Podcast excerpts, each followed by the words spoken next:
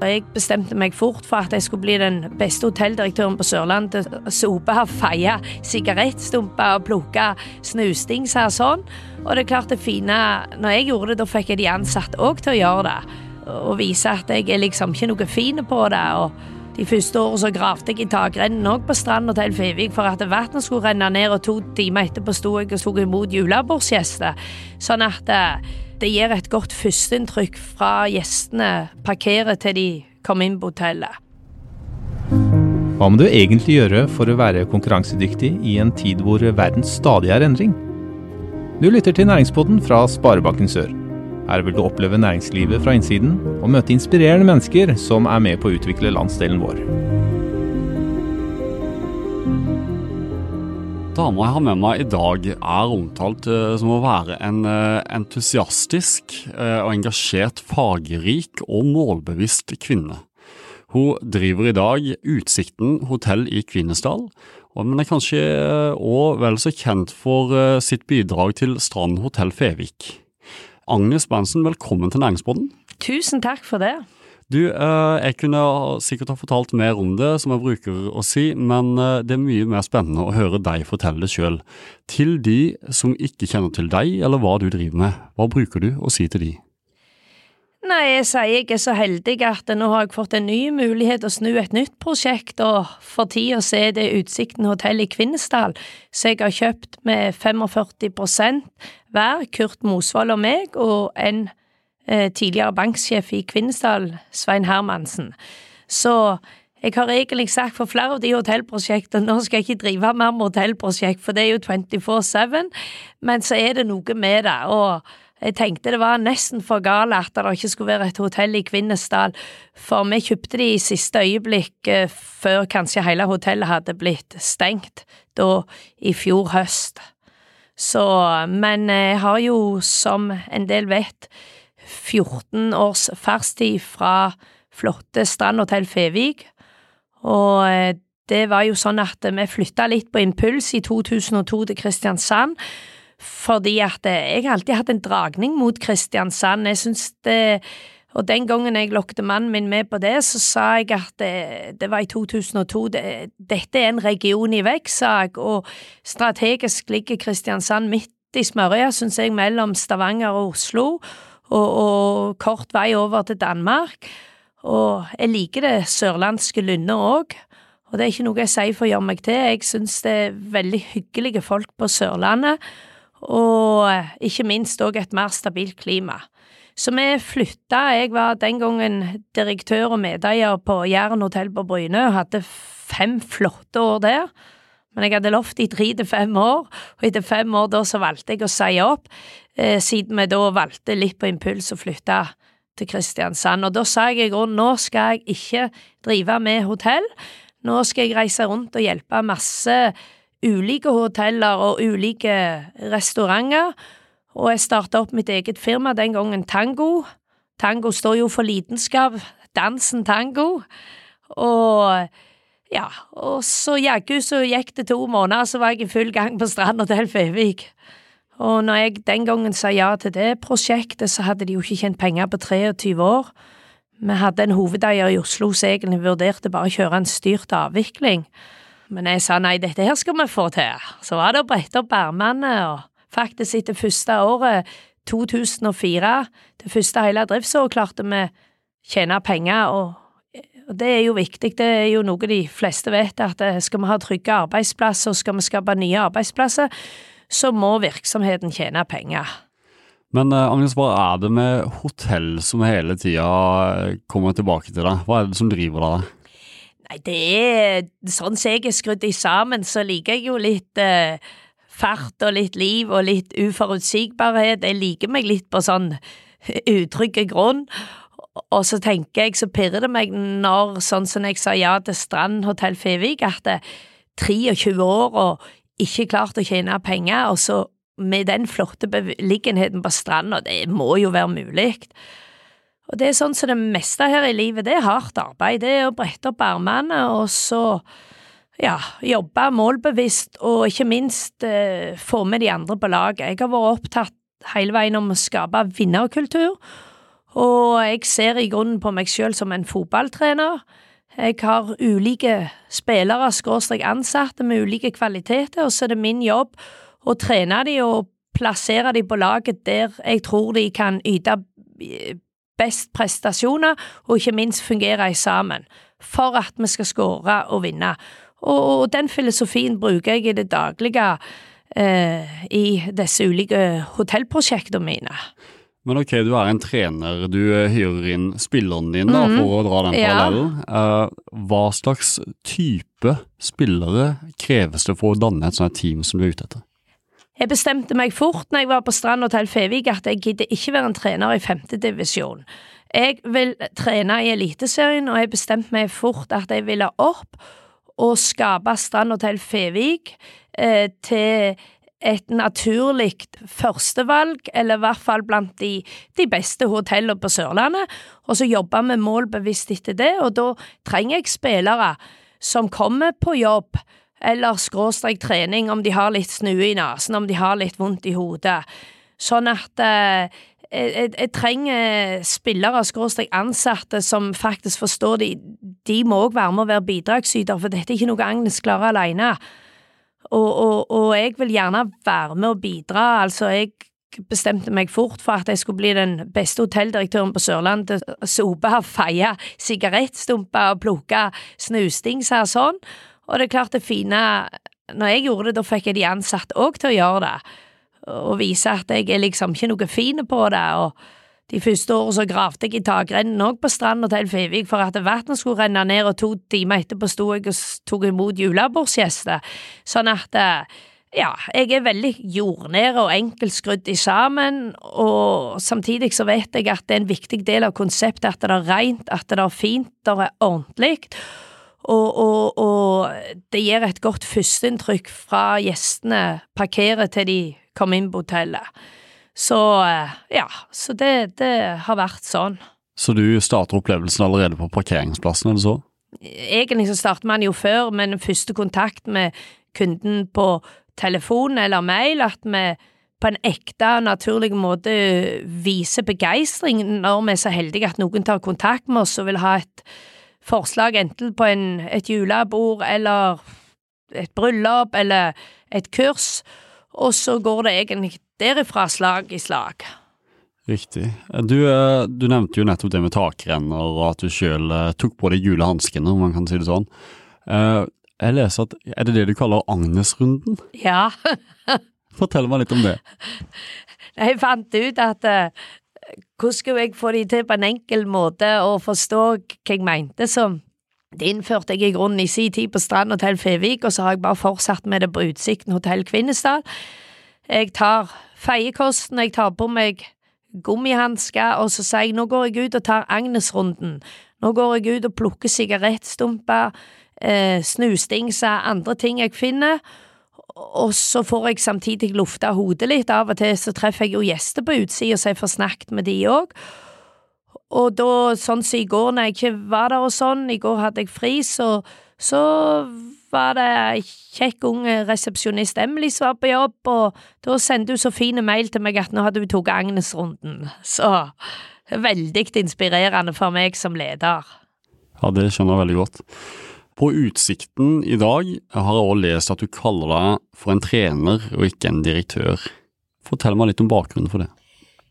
Nei, det jeg bruker den samme filosofien som jeg har brukt i alle år, og altså skal vi spille i Eliteserien, som jeg òg ønsker med Utsikten hotell Kvinesdal, så må vi ha både ansatte og meg som hovedtrener som er engasjerte og dedikerte til det vi gjør. Og eh, da er det også å bygge opp denne eh, lagfølelsen, skape vinnerkultur, få de ulike spillerne, skråstrek ansatte, til å prestere best mulig i de posisjonene de har, eller gjøre nødvendige omrokeringer på laget, i, i samråd selvfølgelig med de ansatte skråstrek spillerne, for å få best mulig ut av laget. Og allerede nå ser vi lyset i tunnelen etter over ti år med, med bare tap for hotellet, så ser vi lys i tunnelen og at trenden begynner å snu, og at vi får, har begynt å få inn en del bestillinger. Og det er klart det skaper jo begeistring òg internt blant de ansatte, at de ser det er mer liv og rørende, og, og at det er mulig å få til. Men det krever fokus hver dag. Vi er nesten som skuespillere, altså vi står på scenen, og det er klart en dyktig skuespiller må være naturlig, må være ekte og sånn er det med oss òg. Vi er på scenen hver dag, og, og vi må være oss sjøl, vi må være ekte, og vi må vise gjestene at vi virkelig trives med å ha gjester på besøk. Så jeg tenker jo ofte sånn, selv om det har skjedd mye positivt i Norge, så er vi på mange måter fortsatt et u-land når det gjelder service her i landet. Eh, du kan gå på bensinstasjoner, du kan gå på skobutikker, altså selvfølgelig er det mange som er veldig, veldig, veldig flinke på dette, men det er jaggu mange i dette landet òg som har en vei å gå når det gjelder servicebegrepet og, og, og, og hva vi gjør for gjestene. Og øh, La oss si at du har en øh, bedrift da, som øh, er på, er på bunnen når det gjelder service. Mm. Hvordan endrer man det, Agnes? Som leder? For det første så må man iallfall ha ledere på toppen som forstår hva dette med service går i, og, og den interne servicen overfor ansatte. Det handler jo om å ta ansatte på alvor og bry seg, og, og, og får du spørsmål, så er det jo å svare og fylle ting opp. Jeg tror nok det er altfor mange ledere som er litt gått ut på dato, ikke nødvendigvis fordi de er for gamle, men de evner rett og slett ikke å, å fylle den lederrollen som de faktisk har tatt på seg. Og du kan ta et eksempel, når jeg jobbet på Strand, altså der var jeg jo daglig, kjørte fram og tilbake fra Kristiansand, og Min respekt der for de eh, resepsjonistene var så høy at hvis jeg valgte å komme halv ni en morgen, så ringte jeg halv åtte og sa god morgen, det er Agnes, jeg er på jobb halv ni i dag. Da visste de de kunne stole på det. Kan du fortelle meg litt, du virker som en god menneskekjenner, Agnes. Har du alltid vært det, eller var det et vendepunkt der du så at ah, det er sånn mennesker fungerer?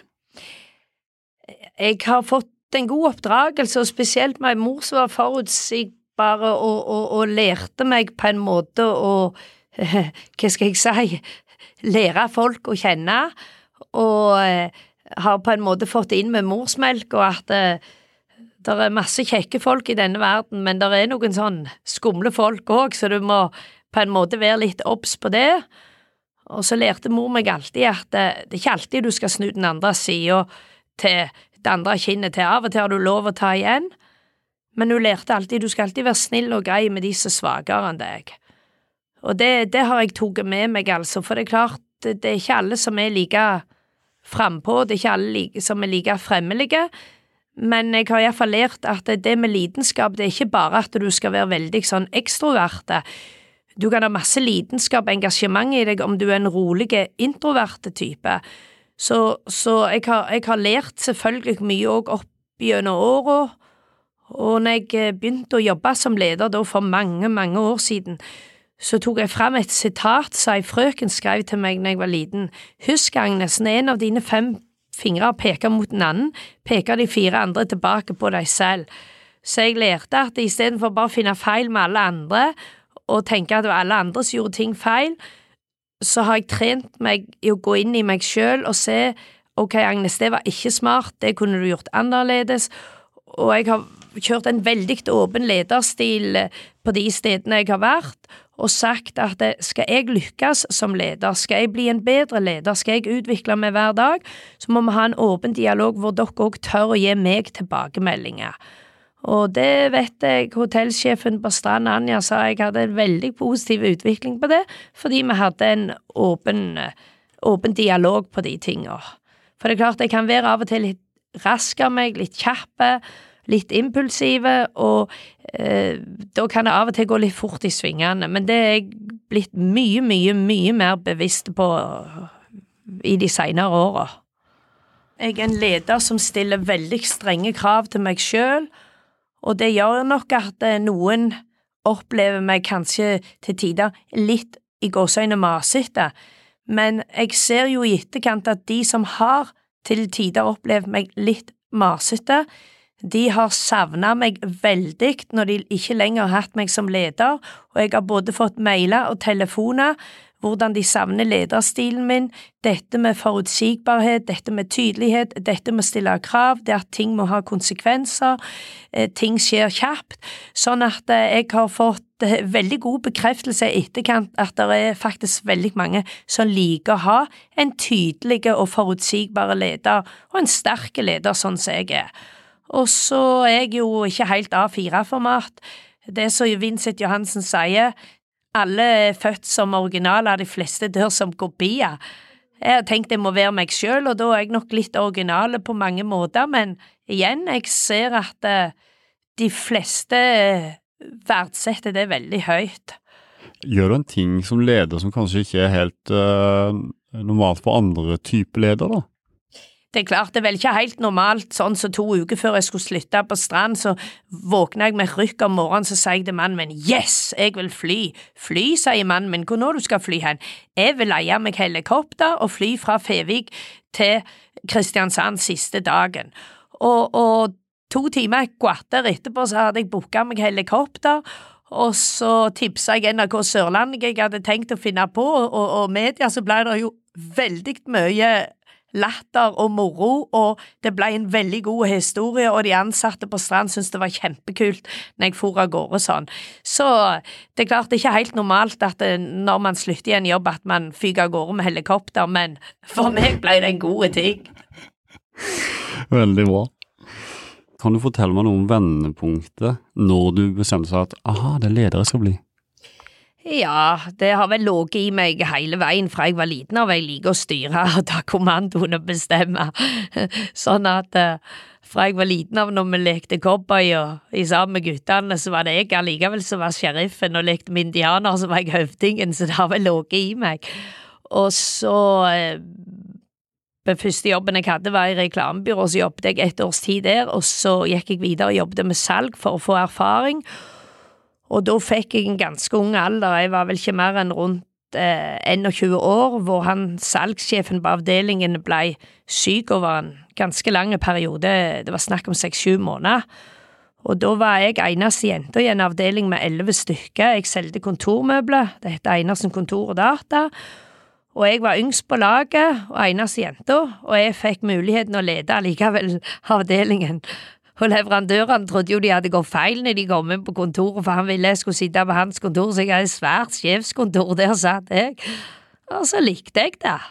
Og jeg, jeg så allikevel, jeg fikk til og med beskjed om at jeg trengte ikke streve sånn med budsjett, og hvis jeg bare ledet avdelingen, men jeg ville jo ikke legge budsjettet vekk, sånn at jeg fant ut jeg skulle klare begge deler. Jeg skulle både lede avdelingen og, og, og klare budsjettet, og det, det klarte jeg. Hadde du noe erfaring fra det tidligere, da? Nei, jeg hadde ikke det, men jeg er jeg er nok veldig iherdig at jeg er villig til å bruke ekstra tid, altså jeg husker et eksempel, jeg tror det var Conoco, oljeselskapet, som ringte til meg en fredags ettermiddag når klokka var halv tre på ettermiddagen, og de skulle ha et svært sjefskontor de skulle innrede, og jeg lukta jo butikk med en gang, og så jeg sa til han som ringte, ja, men jeg kan komme ned og kikke på det nå.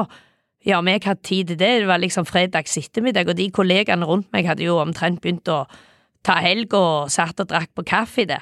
Ja, jeg kan komme hvis ikke du har tatt helg, nei, han hadde ikke tatt, så jeg kjørte rett av gårde, holdt det i Hillevåg den gangen, rett inn til Stavanger sentrum, hadde møte, og kom tilbake på kontoret, og da var mer eller mindre de andre gått, og da satte jeg meg ned og begynte å jobbe med tilbudet, og det var den gangen vi måtte tegne og, og, og farvelegge sjøl, og hadde ikke sånn flott utstyr som i dag. Og så lagde jeg til side, så reiste jeg inn i en lørdags formiddag og gjorde siste finpussen. Mandags morgen klokka fem over åtte da var det en ny uke, og kollegaene mine starta den nye uka med å drikke kaffe. Jeg ringte rett til Conoco og spurte om jeg kunne komme ned. Jeg hadde tilbudet klart. Var nede og presenterte det, og det er klart, uh, innen to timer da så hadde jeg et salg på over 60 000. Det var mye penger den gangen. Det var i vel 6-7-80. Og da hadde ikke de rundt meg i avdelingen våkna omtrent ennå. Så det er klart at jeg ligger føre skjemaet. Og jeg husker en gang på når jeg var direktør på Jæren hotell, så hadde jeg jobba veldig mye med å få inn Kverneland fabrikker, og de, de var veldig tro mot hotellene i Sandnes og Stavanger. Men så plutselig en onsdag så fikk jeg en oppringning ganske seint på ettermiddagen at de ville gjerne ha møte med meg. Akkurat den onsdagen, det var to dager før vi skulle stenge av hotellet for jul, skulle jeg ha besøk av noen venninner, så jeg ringte, jeg sa jo ja til møtet, så ringte jeg til mannen min, kan du kjøpe noe pizza, noe brus, noe snop, og sende en melding til venninnene mine, jeg kommer litt seinere, men jeg, jeg, må ha dette møtet. Og det møtet gikk veldig godt, så viste det seg at eh, Kverneland Fabrikker skulle ha ledersamlinger med ledere fra hele verden. Og så fikk jeg beskjed om at det holdt at de fikk tilbudet over nyttår. Så tenkte jeg ha, her skal jeg gi gass. Så vi reiste til Sogn og Fjordane noen dager etterpå, og eh, på lille julaften da snødde ganske mye, så jeg til mannen min nå vet jeg hvordan jeg skal skrive tilbud, nå må jeg jobbe med det, og han gikk ut og måkte, og så sendte jeg det på julaften på formiddagen, og så første dagen etter jul, da litt utpå dagen, så ringte jeg og hørte om de hadde fått tilbudet. Og det hadde de og sånn, og dagen etterpå fikk jeg bekreftet at de valgte Jæren hotell da for alle ledersamlingene. Det var Atle Eide i sin tid som var konsernsjef da, og da hadde ikke konkurrentene rukket å våkne, de hadde verken skrevet tilbud eller noe. Og da fikk jeg altså en bestilling på flerfoldige hundre tusen. Og da utfordra òg Atle Eide meg til at jeg skulle si fem minutts innledning til hver av alle de samlingene som var How to make a, winning culture. Så da sa jeg noen velvalgte ord foran hver av de samlingene. Så det er klart at det betydde jo veldig mye, og det viser seg det nå. Det, det, det er viktig å være kjapt ute og være på han, altså. Så tid er uh, vesentlig her? Ja, jeg opplever sånn i mange av de salg og de bestillinger jeg får, for folk er travle generelt, og de vil bare ha det, ting unna sjøl, sånn at det, når jeg, skråstrek vi, er kjappe til å følge opp, så får vi ofte kjappe beslutninger òg. Ja, riktig. Du, ehm, tilbake litt til eh, hotelldriften, eh, eller vi er for så vidt inne på det, men, eh, men sånn som Strand hotell. Du har hatt et, et, hotell som har gått med underskudd i 23 år, som du nevnte. Plutselig, første året, så skjer det en endring. Hva er det man gjør, bortsett fra teamet, hva er det som er viktig for å tiltrekke seg de kundene ytterligere? Jeg husker vi hadde en kommune så ringte, de skulle ha tilbud, og jeg forsto at de ringte til mange hotell, og dette var før jul de ringte til meg når jeg var på Strand hotell Fevik i Lurer på om det var desember eh, i november eller desember 2003, og de skulle ha en samling i januar. Og så sa jeg til dem å, januar, ja, men det blir jo spennende. Så sa jeg og dere som er en kommune har vel ikke så mye penger å bruke utenom på aktivitet og sånn, ja, det stemte. Så sier jeg ja, men da kan vi jo finne på noe kjekt, noe ablegøye uten trenger koste noe tilknyttet samling. Ja, vi kunne det. Eh, ja, hva da vi kunne gjøre, og jeg hadde jo ikke planlagt når jeg snakket, så sier jeg januar, ja, da kan vi kjøre Hawaii-party, Hawaii-party, det hadde de jo aldri hørt om, og det var visst ingen av de andre hotellene hadde fortalt det. Så jeg fikk en bestilling for denne kommunen på 50 stykker på overnatting og, og, og, og fra den ene dagen til den neste og jeg stilte selv i bastskjørt, og vi hadde skikkelig opplegg der. Og de var kjempefornøyd, og to måneder etterpå ringte teknisk etat i samme kommunen. De òg ville ha sånn som de andre hadde. Så jeg, jeg, Et av forbildene mine er jo industrigründer Ingebrigt Aarbakke, som har bygd opp en stor virksomhet, fabrikk på Bryne. Han sier alltid hvorfor gjøre det vanskelig vi kan gjøre det enkelt. Og det jeg liker den filosofien. Trenger ikke alltid gjøre alt så komplisert. Er det andre ting du har lært han? Ja, han kjørte et spennende prosjekt som heter Samspill og glede, og hvor de ansatte var med og plukket ut tolv ulike temaer de skulle snakke om, ha som fokus hver måned gjennom et år. Og det var for eksempel ett var ærlighet, ett var mobbing, ett var kvalitet. De ulike virksomhetene har jo ulikt innhold i kvalitetsbegrepet. Det er klart, de som driver en mekanisk bedrift, der må det være stor grad av presisjon når de, når de driller eller lager sånn røyr. Det skal ikke være mange Det skal ikke være avvik der. Um, så de har på en måte ett innhold. Det er klart, for oss som driver hotell, så på en måte aksepterer gjestene om de har litt ulike størrelser på kjøttet, men det skal ikke være for mye, det heller. Før Nine Years nå fikk du det, sånn fikk ikke jeg. Og så hadde de dette med mobbing. Mobbing er faktisk en utfordring rundt på norske arbeidsplasser. Der foregår mer mobbing enn man er klar over, og de hadde satt det på dagsordenen en hel måned, og da gikk de ansatte med T-skjorter hvor det sto for eksempel mobbing, sånn de, de snakket om dette og hva de selv skulle gjøre for å unngå at det ble mobbing på deres arbeidsplass med flere hundre ansatte. Og så tok de dette med ærlighet, for eksempel. Han ønska ikke å ha at de låste inn alt verktøyet, så det, han ønska ha tillit til de ansatte, og at de hadde et system for det er klart det er veldig lett på en sånn stor fabrikk å stappe en hammer i veska eller en sånn en eller annen skruenøkkel, men, men, men, han jobbet heller bevisst med kulturen for å ansvarliggjøre de ansatte, at de var med og passte på, framfor at de skulle ha masse skap som var låste og mye styr på det. Og, og basert på det prosjektet som jeg fulgte gjennom det året da, eh, så ble jeg inspirert til å kjøpe, kjøre et tilsvarende prosjekt på Strand hotell Fevik som jeg kalte GRO-prosjektet, hvordan vi skulle gro og vokse videre. Og i kjølvannet av det, og vi hadde kjørte eh, samlinger med ansatte, og jeg brukte ei som heter Gunn Eggebø, som driver et firma her i Kristiansand som heter Mindline, så eh, ble vi enige om fire kjerneverdier som skulle være retningsgivende eh, for Strand hotell Fevik i, i det daglige hotelldriften. Og det var vennskap, kunnskap, lidenskap og klokskap. Og for eksempel sånn som så vi som er i hotellbransjen, så er det ofte lett for at de som er kokker, tror at de er mye bedre enn alle andre de jobber sammen med på et hotell. Eh, ofte er det en sånn litt sånn eh, kultur som ikke helt Det har jeg hatt nulltoleranse for. Alle er like mye verdt, og, og, og, og hvis ikke vi har flotte og dynamiske stuepiker som gjør rent, så har vi heller ikke et godt nok produkt overfor gjestene.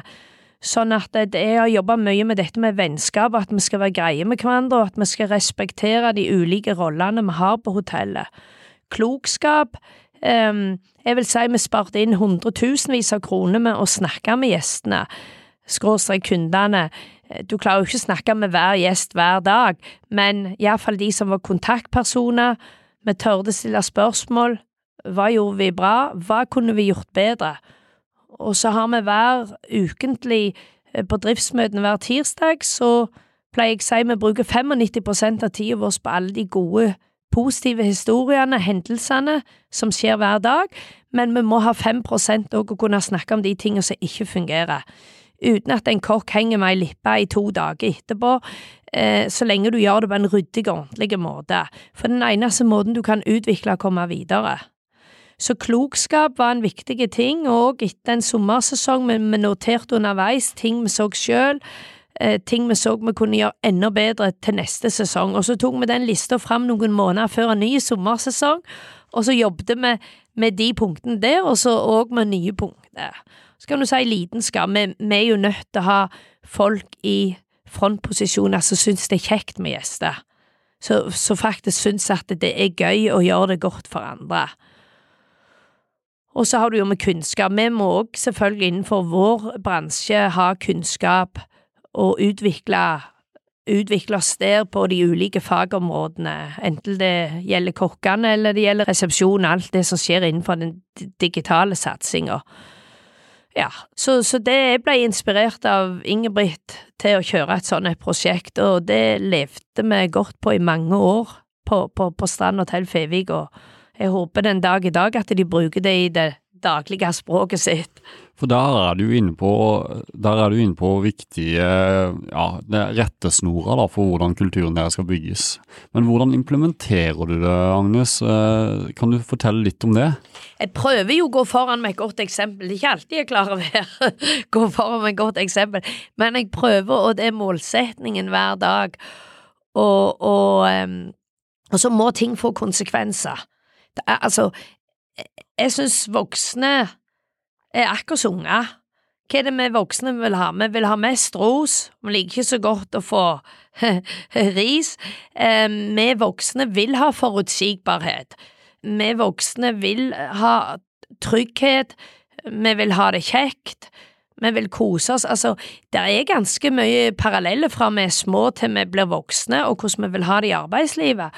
Og det er klart, eh, denne forutsigbarheten og at jeg stiller strenge krav til meg selv, gjør jo at jeg kan stille litt strenge krav til de rundt meg. Som jeg sier, jeg har ingen problemer med en hotellsjef kommer klokka ti en dag, men, men, det skal være avtalt, eller selvfølgelig kan ting skje samme dagen, men da skal det gis beskjed, så vi vet det.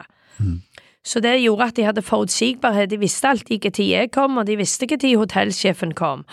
Og det er klart at jeg syns ikke det er greit hvis jeg kommer inn på kjøkkenet og spør kokken bare, for jeg tar noen testspørsmål av og til, ja, når kommer kjøkkensjefen i dag? Nei, de har ikke peiling. Ja, men altså, det, det, jeg kan ikke ha en kjøkkensjef som ikke gir beskjed, eller der står på lista tid han kommer, om, om, han eller hun kommer klokka ti eller klokka elleve på formiddag.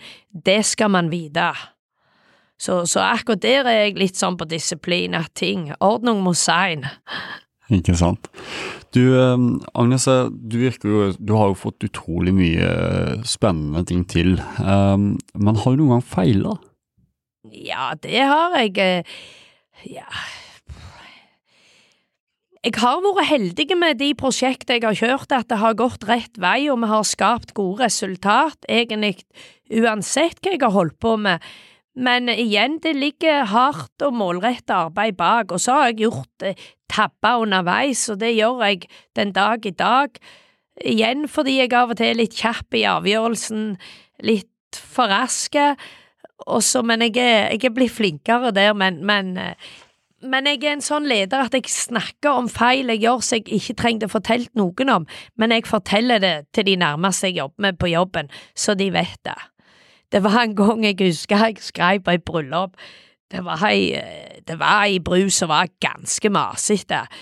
Og så skrev jeg tilbake at hun her er av den vanskelige sorten, og så skrev jeg i hermetegn eller sånn, og så sendte det til kjøkkensjefen, men, men, så hadde jeg jo klart sett henne på kopi, så det var jo ikke helt Det var ikke noe sjaktre.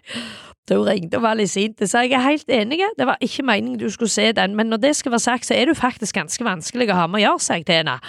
Fordi du, du, er krevende i forhold til mange andre jeg har vært borti, men det var selvfølgelig ikke greit av meg å skrive det sånn, men det var i grunnen eller det var jo bare meint internt for at kjøkkensjefen skulle være litt oppsag, og det er jo faktisk sånn vi gjør det. For å kunne gjøre en best mulig jobb utad. Ja, nei, men så så jo det, så når de kom i møte, og så var alt glemt. Jeg måtte bare si det som det var. Ja, du er av den vanskelige sorten. Krever litt tall, det. ja, det gjør det. Jeg klarte ikke å lyge den ifra meg, så jeg måtte bare stå distansen ut. Ja, så bra, så bra. Du, øh, det var jo det om å feile, men hva er du mest stolt av? Jeg er jo veldig stolt av det vi fikk til på, på Strand Hotell Fevik i de åra, og jeg sa jo ganske raskt at jeg hadde lyst til å bli blant de beste på Sørlandet, og det klarte vi og etter noen år så drista jeg meg til å si at nå skal vi bli blant de beste i Norge, og derfor var det veldig kult eh, de siste årene så fikk vi forskjellige sånn rangeringer, og to dager da før jeg slutta på hotellet, så var det en ny rangering, og det var vi på syvendeplass i Norge. Uh, og det er klart, det er jo x antall tusen hoteller i Norge, så det var jo kult hva vi klarte å få til, og det er klart det skapte begeistring og stolthet internt på hotellet for de ansatte. Men hva er det viktigste parameteret for å få en sånn rangering? Det er jo imponerende. Ja, nei, men det var for at jeg skapte Jeg skapte Hva skal jeg si, jeg setter meg et mål egentlig første av uka når jeg kom til stranda til Fevik her skal vi bli et mini-Solstrand. Jeg har alltid sett opp og beundret Burea som driver Solstrand hotell på Os en time utenfor Bergen, og det er hun, sammen med sin datter Pernille, og hva de har fått til. Så tenkte jeg det må faktisk være mulig å få til på Fevik òg. Vi får lage et mini-Solstrand her nede, og det har vært liksom eh, et bevisst mål jeg setter meg, og det klarte vi å få til. og at jeg òg skapte tru blant de ansatte. Det er klart at det er ikke noen grunn til at ikke vi skal få det til. Det er ingen grunn til at de andre hotellene i Kristiansand eller i Arendal skal være bedre enn oss. Så jeg skapte jeg skapte tro på at dette var mulig. Og så gikk jeg jo i spissen selv for å jobbe hardt og være dedikert, og det er klart at jeg har nok jobba mer lørdager enn jeg har hatt fri, men det er jo fordi det har vært bryllup, det har vært mye som har skjedd, og da har jeg ansett det som veldig viktig å være til stede selv som daglig leder, og være vertskap og være på plassen. Og, og det er noe gjestene òg har likt. Og jeg så òg for eksempel på sommeren, eh, vi hadde jo enkelte lørdager der kanskje var tre bryllup som skjedde samtidig på Strand hotell Fevik, og, og, og det var flott vær i tillegg. Og det er klart, da var det utrolig viktig at når jeg sveiv rundt der en lørdag, at for eksempel Si du kom med din kone der, og dere var i gåseøyne bare dere to som individuelle uh, turister, kom inn i resepsjonen der, har booka rom, så blir dere helt forvirra, for dere ser masse gjester rundt dere, og ingen ser dere. Hallo, sier jeg, velkommen til oss, der er innsjekk, og de ble liksom helt forvirra, men de ble glade òg gjestene når jeg var sånn og plukte de opp. Og da sa jeg òg ja, har dere lyst til å gå ut i hagen etterpå og nyte det fine været? Og da fikk jeg ofte spørsmål om de fikk lov til det, det var jo så mye liksom som skjedde, så sier jeg men det er bryllup, men jeg har flotte plasser til dere, så dere er like viktige. Og, og, da kom de tilbake etter de hadde vært med kofferten på rommet, og kom tilbake i resepsjonen, og jeg fylte de ut og fant både solsenger og solstoler det de måtte ønske, sånn at jeg var der og var dedikerte på disse individuelle gjestene, sånn at ikke de skulle føle at de kom inn på en plass og at ingen så dem, og det vet jeg jeg skårte høyt på. Kan du fortelle om en eh, hendelse som, eh, som, er verdt å nevne, var nettopp det der med gjesteopplevelser? Ja, det var en lørdag jeg var på jobb, og så sprang jeg opp og ned og rundt forbi og høyt og lågt. Og så var det et bryllup da òg, så sto det et vokset par der. Så kommer det bort en mann til meg i mørk dress, og så presenterer han seg, så forteller han at han var lege på sykehuset i Arendal, da han og kona skulle være i eh, var gjester i bryllupet nå, og han hadde studert meg i et par timer nå, og så sier han til meg, vet du hva jeg er glad for, sa han.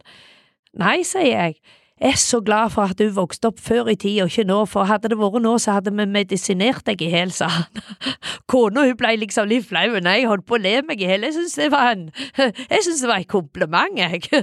Han så jeg var energisk. Så det er jo gode trim når jeg springer høyt og lågt og opp og ned. Trenger ikke noe treningssenterabonnement du, Agnes? Du har jo da egentlig snudd skuter, i hvert fall med, med Strand hotell Fevik, så, så, er det jo absolutt noen man kan lære av det, tenker jeg. Eh, hvis det er noen av lytterne våre som har en idé om et eh, foretak eh, hvor du ønsker å snu den skuta til noe positivt, da. Hva, hva, har du noen tips til dem? Ja, altså det er å være dedikerte fra morgen til kvelds. Altså, det er klart, jeg har jo en fleksibel mann, for nå har vi nettopp vært en tur i Tyrkia, hatt oss litt sommerferie. Uh, og jeg sier ikke det egentlig for å høste ros, men altså, jeg har måttet være på, på, på jobbmailen om morgenen og skrevet svar på, på, bestillinger, eller skrevet på tilbud og vært interessert, og vi skulle ha et bryllup nå eh, noen dager etter jeg kom hjem, og det er klart, underveis da så hadde hun brua noen spørsmål, og da var jeg og svarte med en gang og sånn. Og han har aldri på en måte mukka på det. Sånn at, for det er klart, når du driver hotell, så er det litt 24-7. Det er jo en livsstil, og da må du være dedikert. Da. men eh, parallelt andre bransjer, altså hvis jeg ser på sånn som Ingebrigt Aarbakke, som jeg sier er et av mine for forbilder, pluss andre òg, så er det jo å være dedikerte fullt ut til det du driver med, og ikke gjøre ting halvveis. Og det er klart, vi klarte jo å snu skuta på Jæren hotell òg på Bryne. De hadde ikke tjent penger på over ti år, og der klarte vi òg, første året, å begynne å tjene penger og, og, og lage trygge arbeidsplasser. Og det er klart, eh, etter jeg slutta der, så fikk de en leder som på en måte nok ikke var engasjert på samme måten, og det gjenspeilte i resultatet ganske raskt. Sånn at eh, det å være på han og ja, og, å, å gi gass, altså, så kan du si det er ikke alle det ligger for, men det er ikke sikkert alle skal være ledere, da, iallfall ikke på den type virksomheter. For, for, for, for, du må på en måte finne din plass hvor du trives. Jeg trives med å være i vinden sånn og, og, og, og holdt på å si bruke mye tid på. Jeg ser på jobben egentlig som en hobby òg, for å si det sånn. Jeg liker det jeg driver med, og jeg tenkte det er for galt det ikke skal være et hotell i Kvinesdal. Og, og, og banken vurderte jo å stenge den, og hadde ikke vi kjøpt det så tenkte jeg flotte Kvinesdalen og den strategiske beliggenheten midt mellom Kristiansand og Stavanger, det må absolutt være mulig å få det til. Så det blei på'n igjen. Gi det aldri. Du, eh, Vi begynner å nærme oss slutten her, Agnes. Eh, siste spørsmål er Vi kaller jo dette her næringspodden. Mm. Så leker vi da litt med det ordet, og, og har en sånn avslutningsspørsmål til alle gjestene våre. Hva er det som gir deg næring og inspirasjon? Det som gir meg næring og inspirasjon, det er jo selvfølgelig når jeg ser at de tiltakene vi iverksetter og blir enige om, og som jeg noen gang går i spissen for, Eh, at det fungerer, og det gir synlige resultater, og egentlig ganske raskt. Så blir jeg jo inspirert over når jeg ser vi har gjester på besøk som blir glade, som blir begeistra, for de ser at ting fungerer, ikke minst når vi har hatt disse bryllupene som vi har gjennomført nå. Det er jo den viktigste dagen i livet for folk som gifter seg, og det er så utrolig viktig at alt går på skinner. Og jeg ser at de setter pris på at jeg tar hele ansvaret fra A til Å og følger de fra første sekundet til, til de er godt gifte og kommer og feirer dagen på hotellet. Eh, ellers så gir det meg næring å se andre lykkes. Eh, eh, mine forbilder her i regionen er jo Gaute og Stig og det de har fått til på, på eh, Havhotellet det er jo helt fantastisk, og under jeg, synes jeg syns det er helt fantastisk, og det betyr jo mye for hele regionen, og det kommer til å dryppe ting på oss òg. Så, øh, så det gir meg næring å se på at andre som er flinke og som lykkes, og jeg tenker hva kan jeg lære av de? Um, ja, en annen som jeg ser opp til, er jo han Aug August, fiskeren fra Lindesnes. Han gjør jo mye flott for lokalsamfunnet og, og, og, og de verdiene og det han står for. Så, så, han er jeg blitt god kompis med, og ja, og, heier på han, og jeg vet han heier på meg, så Nei, det som gir meg næring òg, det er heie på hverandre, og, og, og, nå vet jeg det er mange som heier på meg og ønsker at jeg skal lykkes med Utsikten hotell Kvinesdal, og, og nå med at eh, det som gir meg næring òg, er jo selvfølgelig at ansatte trives og kommer på jobb, er glade og, og, og, og syns det er kjekt det de holder på med, for det er jo faktisk en fri verden, og jeg ønsker jo bare å ha ansatte som har lyst å jobbe med meg og for meg, for å si det sånn. Så ja, ellers så gir det meg næring i å se at Norge blomstrer, og at vi har det så godt. Og igjen, viktig å være takknemlig over dagen i dag. Rett og slett. Du, eh, og med det så syns jeg egentlig eh, vi eh, kan avslutte denne praten. Og jeg vil jeg veldig gjerne takke for en utrolig interessant samtale, Agnes. Så ha det fint. Tusen hjertelig takk for muligheten. Du lyttet nettopp til Næringspodden av Sparebanken Sør. For flere episoder, gå inn på sor.no slash podden. Her kan du gi ris eller ros, samt tips til andre næringsdrivende vi bør intervjue.